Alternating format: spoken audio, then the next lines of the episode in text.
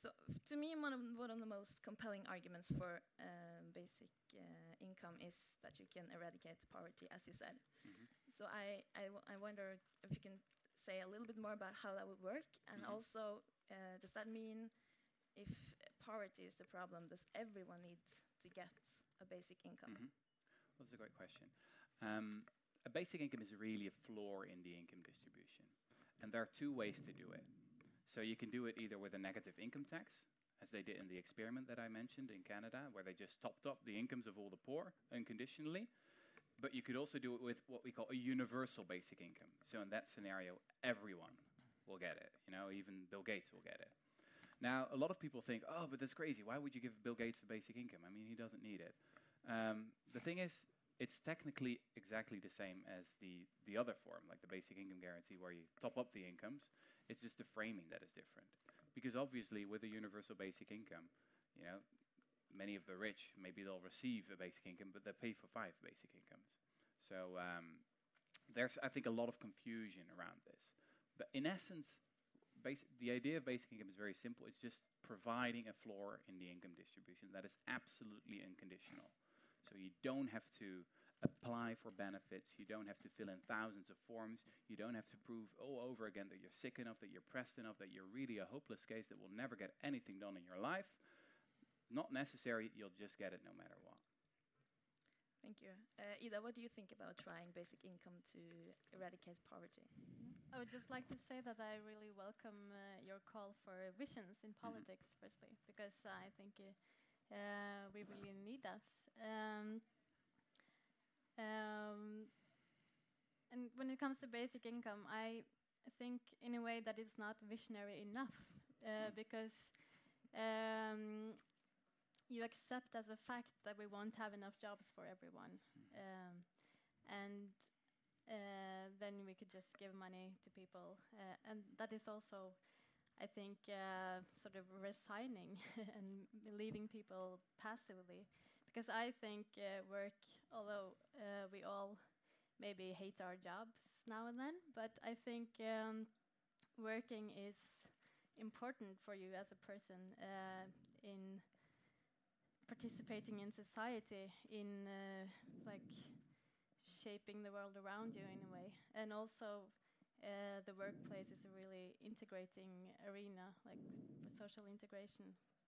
Uh, so I think what is a better way of combating poverty is uh, giving everybody a job, and in a better way that we can do today. Um, but I think your examples on uh, how people in poverty are uh, sort of performing uh, less because of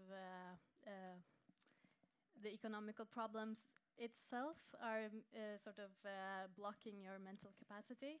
there they are all really interesting uh, uh, studies and examples, and uh, there is a lot to learn from that. but in the Norwegian conte context, we also have quite uh, good welfare uh, uh, systems. Like we have full sick pay, 100% um, of your wage. We have 66% disability benefits, and if you would to, if you were to quit all those uh, systems and uh, replace them with a basic income, that would, I think, is really difficult to achieve uh, that level of income. Then you would make uh, the income for a lot of people a lot worse. Uh, so that are, well, that's some of my objections. Thank, thank you.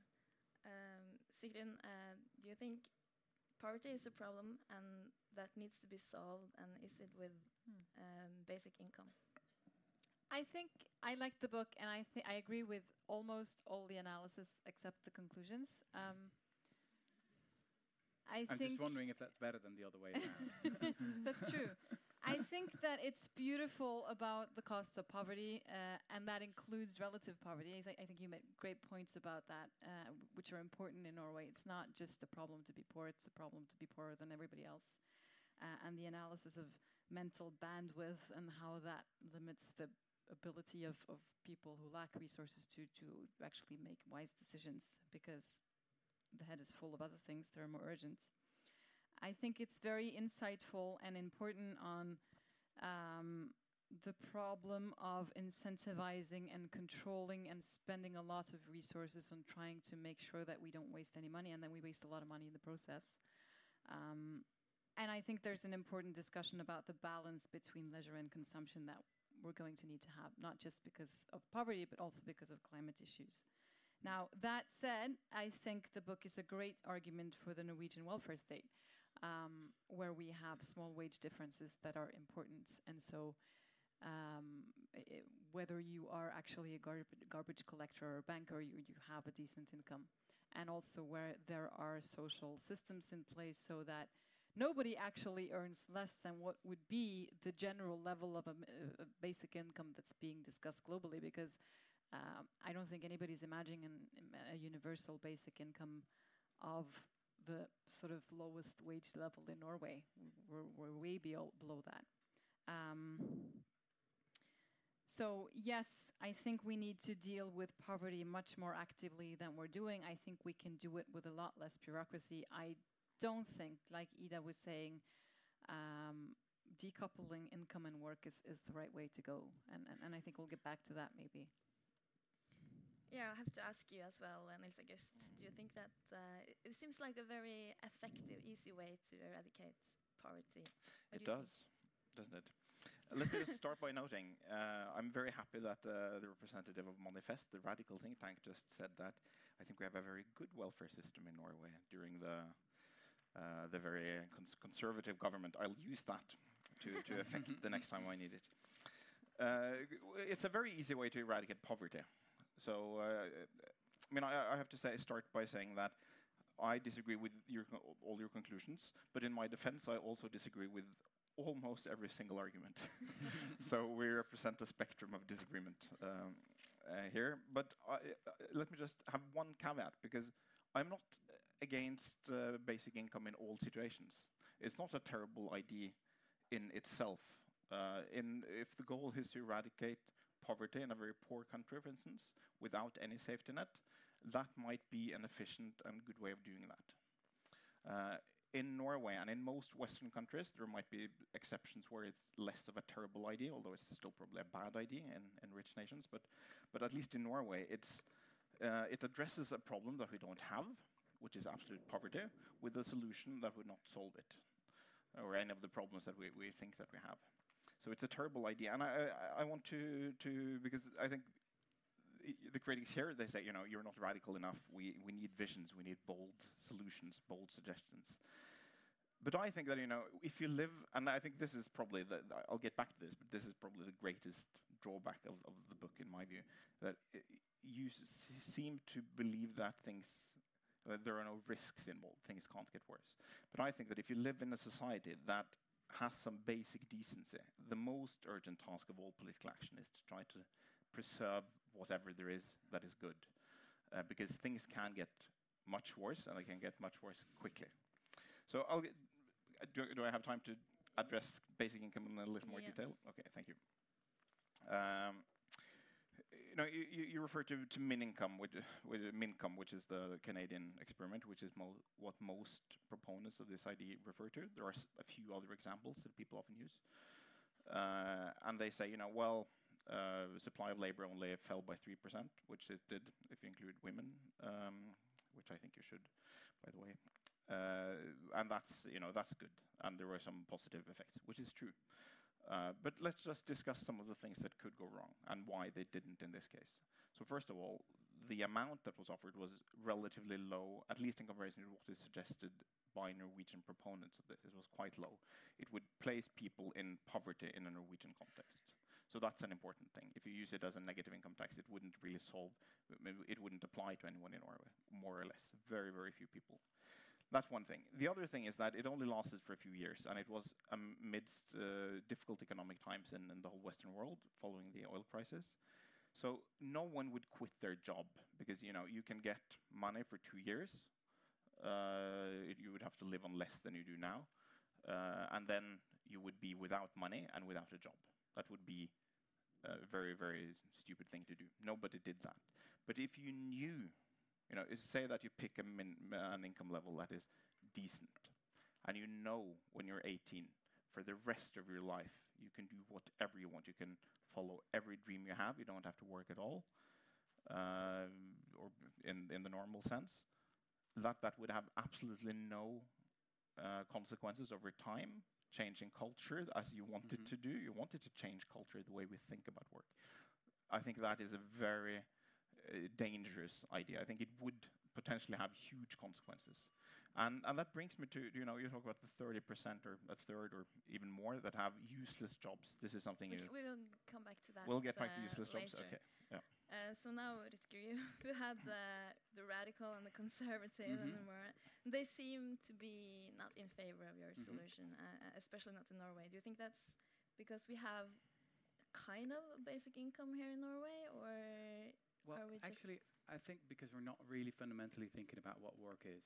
Um, you know, you're absolutely right when you say that if someone who's 18 years old and is trying to think about, you know, what, what shall I do with the rest of my life? What kind of s- studies shall I pursue?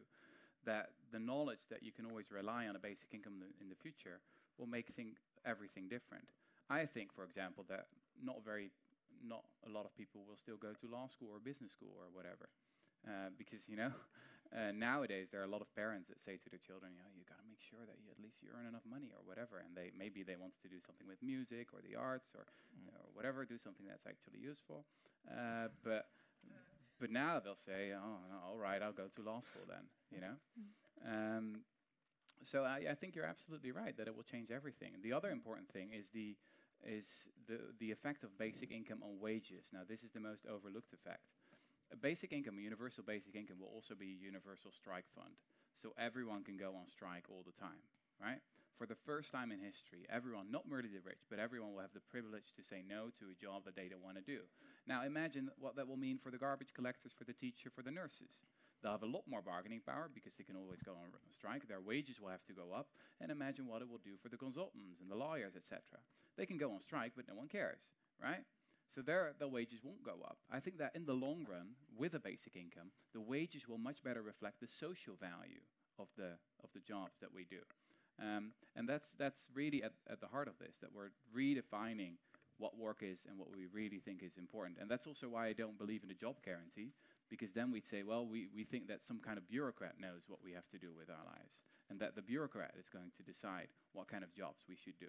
Well, I don't trust the bureaucrat. In that sense, I'm, you, could, you could call me a little bit libertarian or conservative, um, in the sense that I think that most people are the, are, are the real experts on their own lives, you know?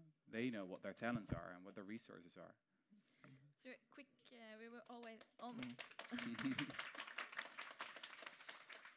Mm. we came quickly back to this uh, bullshit uh, The jobs bullshit you were jobs, yeah. talking about. Yes, I guess. discussed with uh, th these are the same arguments that one of the Norwegian proponents, Professor Thomas Hylland Eriksen, uses exactly this line of argument. I discussed this with him Mhm. last year, and you know I, I really uh, think it is true that a lot of his friends, uh, his personal friends, have bullshit jobs, and and I guess that apply uh, applies to you as well, and probably to, to many in our circles. It might it might, might apply to those. we can do a poll. But in, in, in general, I mean, th- that, that is a bullshit idea, isn't it? You know, if you think about it, if you think about the kind of jobs that are the most common jobs in our society, you know, the bus driver or the, uh, the factory worker or the farmer, but also, you it's know, not the, most common jobs. The farmer is like, uh, the farm is not job, Incredibly. you know, but but so, you know, you can look at the big, but, but also let let's go further, you know. Uh, so he, uh, let's say you're going to buy groceries. mhm. Okay, who contributes to that? Well, you have the farmer, obviously. Then you have the people who run the store. Do they think that they have a meaningful job? Probably not. But, But, but, but. I really, sorry, Mm. sorry for interrupting, but it's not me saying it. It's people themselves Yeah, saying yeah. about their own jobs. yeah, no, no, I and you're know. saying they're not right. yes. I mean, they would know, right? no, they wouldn't. They, th- th- but that is, but that No, is paternalist. you're saying to someone who's sitting in the no. office all day, I'm not telling like my to- job is useless, and you're saying, No. no, no, no, no, no. I know what's. No, I'm not telling them to actually- take any job in particular. I'm just telling them that in general, you know, so I run a newspaper. I pay a Uh-huh. lot of people to do stuff for me. Mhm. I can't guarantee that all of them believe that their job is useful, but Mhm. if I pay them, it is useful for me, and that's usually the case. I mean, Mhm. you have some uh, jobs in bureaucracy that might, you know, the government pays. It might be different, but usually politicians have. I mean, I mean even I But I don't think hate the state enough uh, to say that usually when politicians order something, Mm. it has some useful purpose. I think that's a fallacy here. Uh, um, Okay, for- let, let me give let one me example. Sorry, Let- let- it's really important that we get to the bottom of this. Yeah. Because, um, I want to for finish the example, wait a minute. Okay. For example, the Netherlands is a huge tax paradise, right? Mm. Huge tax paradise. Companies, multinationals around the globe, they all send their money to the Netherlands, and we sort of safeguard it and make sure that no one has to pay any taxes. So there are a lot of accountants in, in the Netherlands, a lot of smart people who went to business school, you know, have great skills, as we Mm. always talk about in the in the education debate. And sure, someone Mm. wants them to do that work, right? Mm. So someone is benefiting from that. Is society in general benefiting from it? Oh. no, not at all. So you think So you know better than the people now? Now you're the paternalist. No, it's these. but- No, no, no. It's But accountants how but saying let me about get, their get to own the job. basic argument here. How I- is One the at a basic time. income going to solve that problem?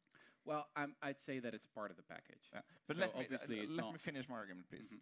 because you know you If t- you're you- short. I'm short. You took up you talked about the bankers that went on strike and nobody noticed. Course, a few bankers go on strike for, for a little bit of time. That's fine. So in 2008, all the bankers sort of went on strike. It was called the collapse of the interbank bank market. Mhm. That didn't work out too well. And I think you know this is the kind of argument in your book which is really a rather lazy argument. You know, you, you probably know that the argument about the banker isn't a particularly good argument, but it's useful for the book in the sense that you can say, you know, look at these stupid jobs: the bankers, the finance people, the lawyers, these kind of people. They only do do stupid stuff, Mhm. and some of them do. You know, if you have a, a very if you, if you are a tax haven, that, that's the case. I'll grant you that. that. That's unfortunate, right? You should try to address that by regulation. And this is one of the main problems with the basic income movement, is that basic income was devised as an idea to eradicate poverty. And in some circumstances, it could do that. In some circumstances, that's it's a solution to it's devised as a solution to an actual problem. And then in rich countries, since poverty in that sense usually is not a huge problem, and some in some places like Norway, hardly the case at all, you had to find other problems that this idea could solve. It's not a radical idea at all. It's an idea de- uh, developed for something entirely different that is that then uses anything that comes in its way to pose as radical. So, do we have climate problems? Basic income is the solution. Do we have meaningless in our lives? Basic income is the solution. Do we have robots? Basic income is the solution. Do we ha- have lawyers? Basic income is the solution. It's always the solution.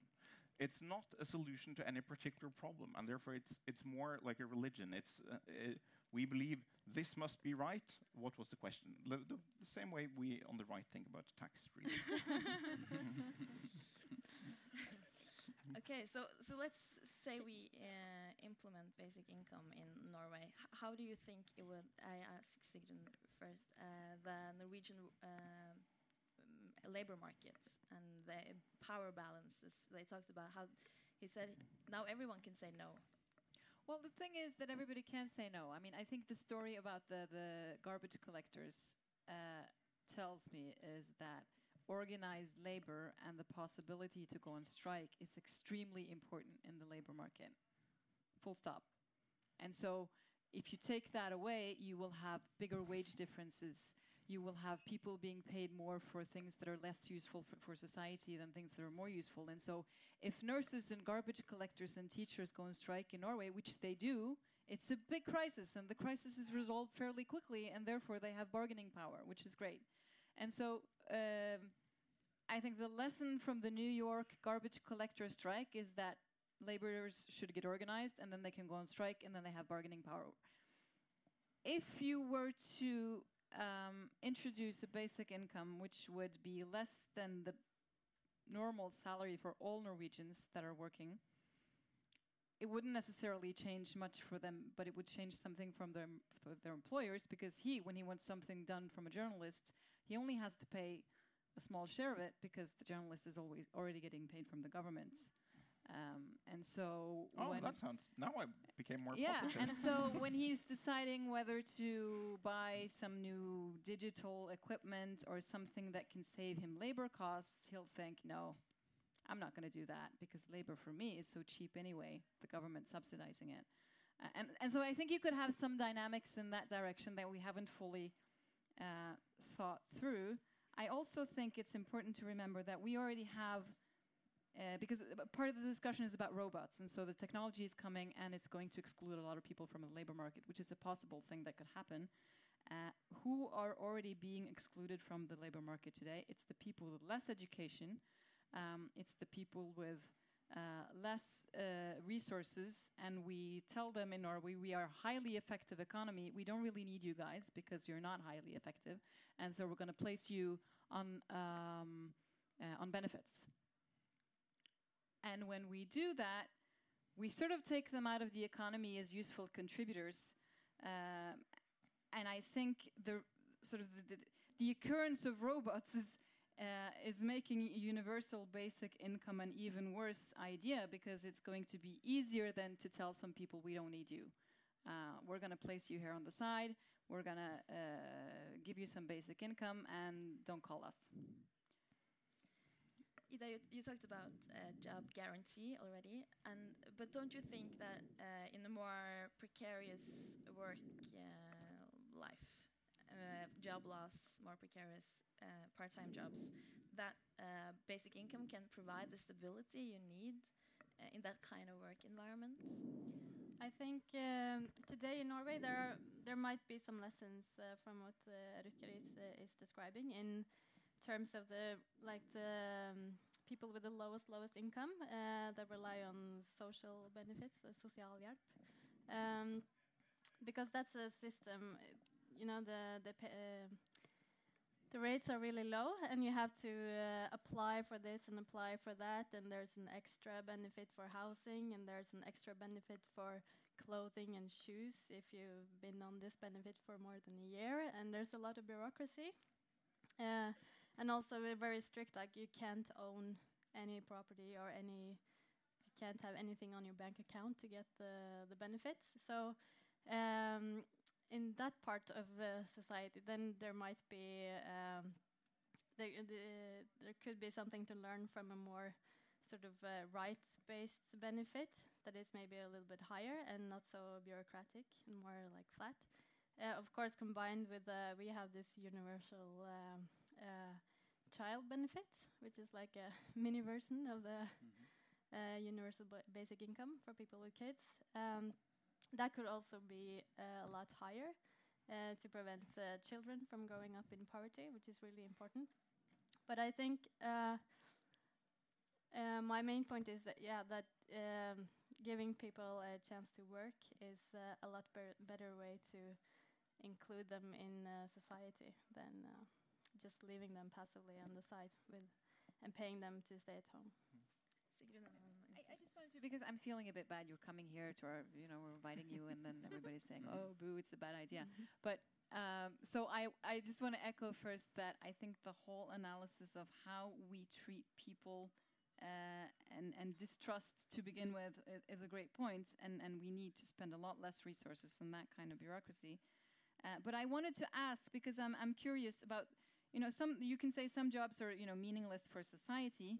Uh, some jobs are really hard and boring and uh, no fun, mm-hmm. but we really need that Incredibly somebody yeah. does them. So, yeah. so how are you?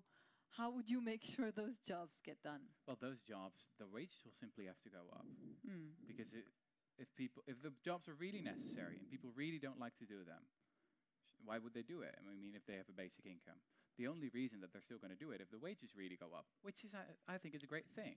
So the cleaners might start earning more than the lawyers, and I'd like to live in that society, to be honest. Um, and this this also gets back to to your point about do you really think that so many of these jobs are meaningless? Well, if you don't believe me, look at recent reports from the International Monetary Fund of the Bank of International Settlements. Right, these are no left-wing think tanks. Um, if we look at their, their recent research, what they show is that if a financial sector gets too big, it actually starts destroying wealth. And, and according to them, the threshold is about 100%. Now, I'm not sure what the numbers are here. In, in Holland, it's 278% right now, which means that more than half of the bankers destroy wealth instead of create it. So if we would have like a real meritocracy, they would have to pay for doing their jobs, right? They would have a negative salary. Um, I think that's there, there's we should have much more of that kind of thinking. What I think is that you know leftists and social democrats around Europe, they're they're stuck in the language of paternalism of oh we're going to help you, you know. We think you are poor and we, that we need to pity you, but we're going to help you to make better decisions. Well, you know what? Most people hate the Good Samaritan. They really hate him. They can't stand him. You think it's, they think he's an arrogant prick. So what I think we should do is actually encourage people to make their own decisions and to, to acknowledge that actually most wealth is created at the bottom of society. By, you know, there seems to be a general rule actually that the more you earn, the less wealth you create. And I, I really uh, uh, don't understand why, um, why there's, wh- why there's um, you know, all that paternalist thinking on the left, while, you know, it just shows that in the beginning, at the beginning of the 21st century, you don't win elections with that kind of language.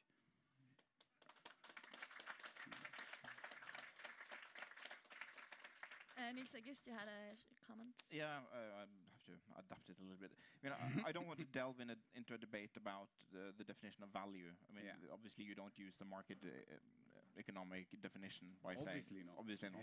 so that you know that's a, but, but I think even without going into the theory of it, I mean I obviously disagree with it, but and I want to illustrate it with, you know, when you say that say some of the the, the menial jobs that that could uh, get much higher wages if Yeah. with the basic income. I mean I don't think that's I, I think the effect would be way smaller than you assume in a country like Norway because.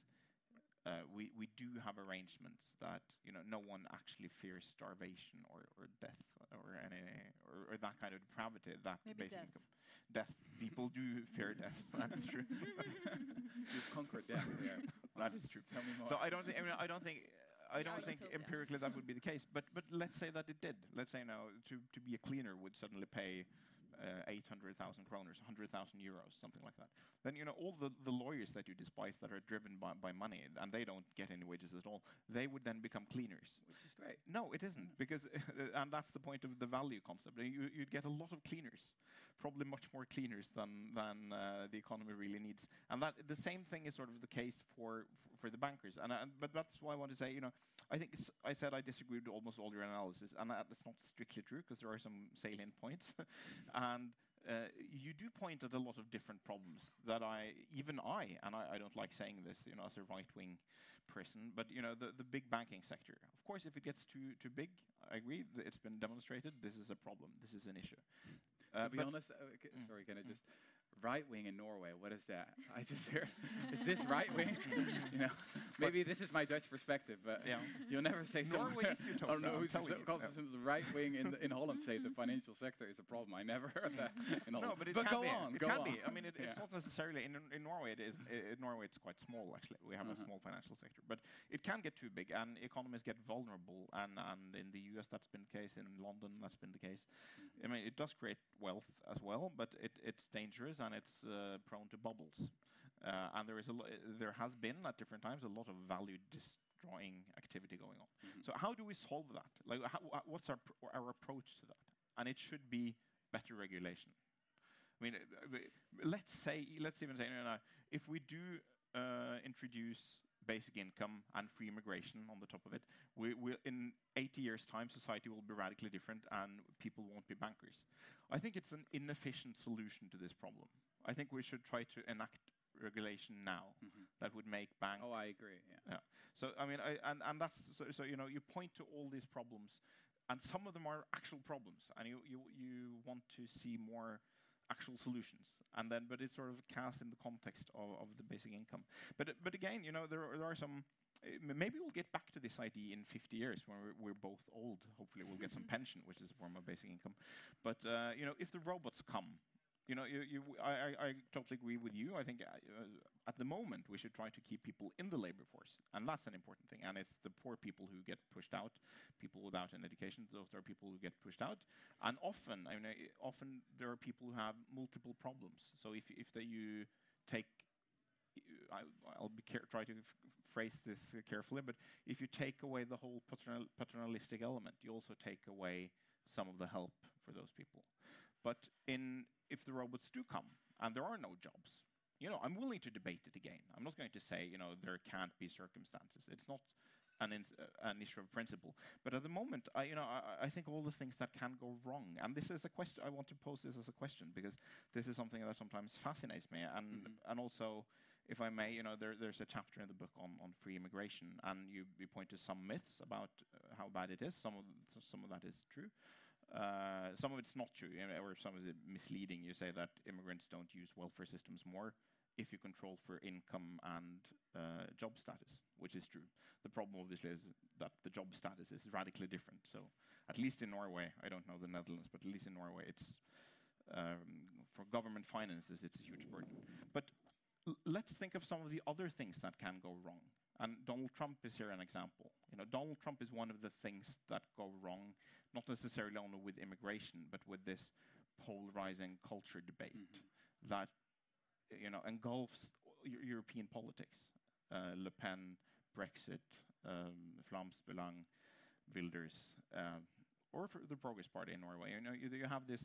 There is this popular grievances that are at least partly related to, you know, immigration, ethnicity, religious differences, cultural anxiety. And you could say, well, that's uh, unfortunate. It shouldn't be like that.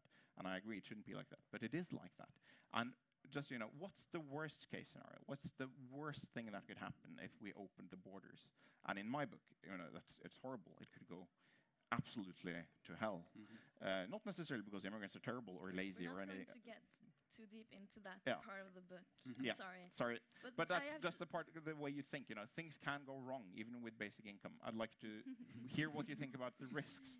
Are there? Any, do you see any Mhm. pitfalls, or is it only sunlight? you sunlight? can ask, uh, answer a bit later. Okay. That's okay. Um, but because I wanted, there is a point to make to be made that there, in some cases, kind of a bingo on what kind of work uh, is getting paid and what kind of and how much is getting paid. So I was just wondering, Sigrun, if if um, uh, basic income is kind of a solution to to that kind of problems. I'm not really sure I understand why it would be because um, it's probably I think it's probably more of a solution to ensure that wage differences are small generally. If you had a basic income at the bottom of everybody's income, uh, and then we would still pay more for the things that we want more. That's what we already do, and so we already pay more for some things that you can ask: Do we need them? Do we not need them? I don't know. Do we need football players? I don't think so. You probably think so. Uh, we pay them a lot of money. We pay them more than teachers. Do we need uh, realtors? Maybe, maybe not.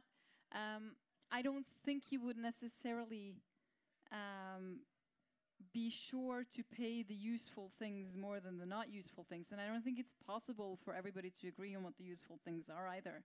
Uh, and yes, the market is probably or isn't a perfect measure of what's useful and what's not, but I haven't seen yet a better alternative of it, unless we all decide that everybody makes the same amount of money and and, and, and we are it's not allowed to pay more. But you just said that you want to pay the cleaners more Mhm. uh, because we need them, and so who decides what's useful? And we had a debate. Well, debate. my, I, my, my only idea is that we actually believe people when they say that their job is useless. Is that really such a radical idea to believe people when they talk about their own jobs?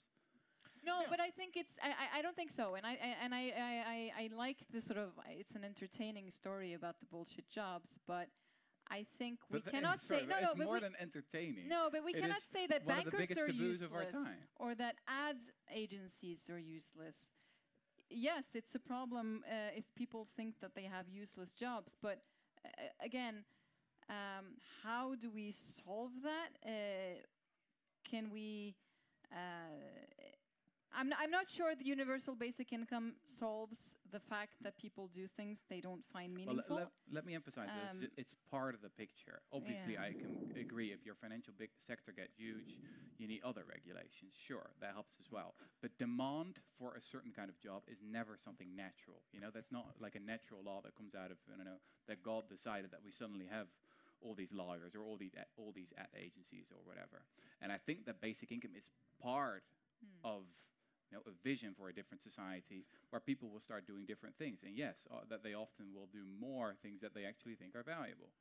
I think that's that's part of that kind I of I just think there, there's two parts of it because one thing is that job that I feel is meaningful or feel Mhm. is meaningless, and that's not necessarily the same as you can sort of uh, society will find meaningful or that will make society better because you have both analysis also and i think both of them are interesting you say that you know some bankers uh, they actually uh, decrease value by the Mhm. work that they do i'm not sure they find their work meaningless maybe some Oh, of they them do. find it very you know, meaningful since I started writing this, I'm, I'm really, you know, flooded by emails of So is there a especially bankers match? saying, "Yeah, that's, this is about me." It's really the amount of Mm. confessions that I get. Mm. You know, just hundreds of emails of people saying, "Yes, yes, yes, I've got one of those jobs." Then maybe they should try to get another job, do No, some uh, training. well, that's- But they make too much That's they the money like is that the point. thing pay because enough. we And have they- an economy that they often make too gets much money stuck is in the it. point, and that's because the wage differences are too big and which is a problem so Mhm. you need to have small wage differences so that people can choose what they like to do want to Mhm. do think is meaningful rather than what they think will pay a lot of money that i agree with Mhm. but I, I do think that an, a, an alternative solution to that which is a real problem would be to make sure that wage differences are small Mhm. Um, Oh, I agree. That's And we can work less. I, uh, I'm in favor of your uh, suggestion of mm, maybe not the 15-hour work week yet, Mhm. but it's uh, you know gradually uh, stepping down the work week. I think Mhm. it's a it's a great suggestion. Mhm. And Maybe it's also interesting here to look at the historical Mm. perspective because you were asking about, you know, what role the robots play here. If we if we look at the history of the 20th century, you know, already in the 1960s there were big reports being published. Uh, for example, in the U.S. that said, you know, the, ri- the robots are coming, mass unemployment is, is the future. Mm. That's what's what's going to happen. You know, as I said, boredom is the great challenge. Somehow it didn't happen. Now, what what what did happen then? Has technology disappointed us? No. If you look, I mean, a lot of jobs did disappear. What we just un- underestimated is capitalism's extraordinary ability to come up with new, meaningless jobs. And this can go on for a long while. I mean, it's now 30%. It could be 60% in the future. It could be 80%. At some point in the future, we could live in an economy where everyone is just pretending to work, while in reality, we're just browsing Facebook. And I mean, the real obstacle towards basic income or this kind of society that I'm proposing is not economic or techno- technological or whatever. It's really ideological. It's this definition of work that you mm. all use. That you say, or working less. Well, actually, maybe we need to do less paid work in order to do more. You know, do mm. more caring for our kids, more music, arts, whatever. You know, solve the challenge of boredom. That's that's going to be there for us in the future. So that's where it really starts. You know, going back to these very basic questions: What is progress? What is work? Who are the real wealth creators? I think that's that's where it starts, and then the, the, so many of our ideologies just crumble. Sure, But the, Carl. the but the big challenge with uh, robotization and automatic automatization is how how do we sh- uh, con- um share the the values that are being benefits. made? Mhm.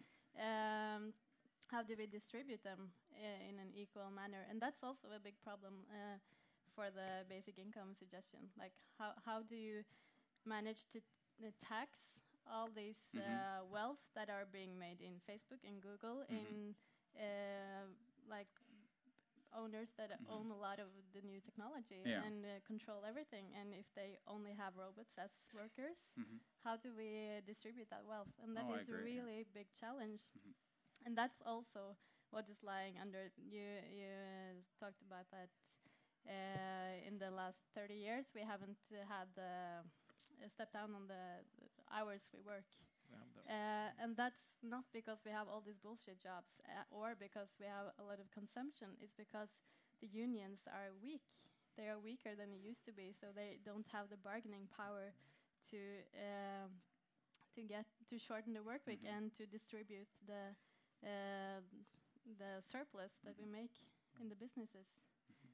Uh, Lisa Gist. I noticed that Agenda has a very different audience from uh, Minerva. Uh, people applauding what is basically Marxism, and I, I wanted to get into this because uh, you know, you- Marxism was very Marx was very against basic income. I, I know, but, but I mean, railing I think against you, you, Biedermann. you, you sort of you, you further two different ideas. One is basic income, and another uh, which could be many different things, and the, it could be entirely compatible with um, you know relatively liberal capitalism.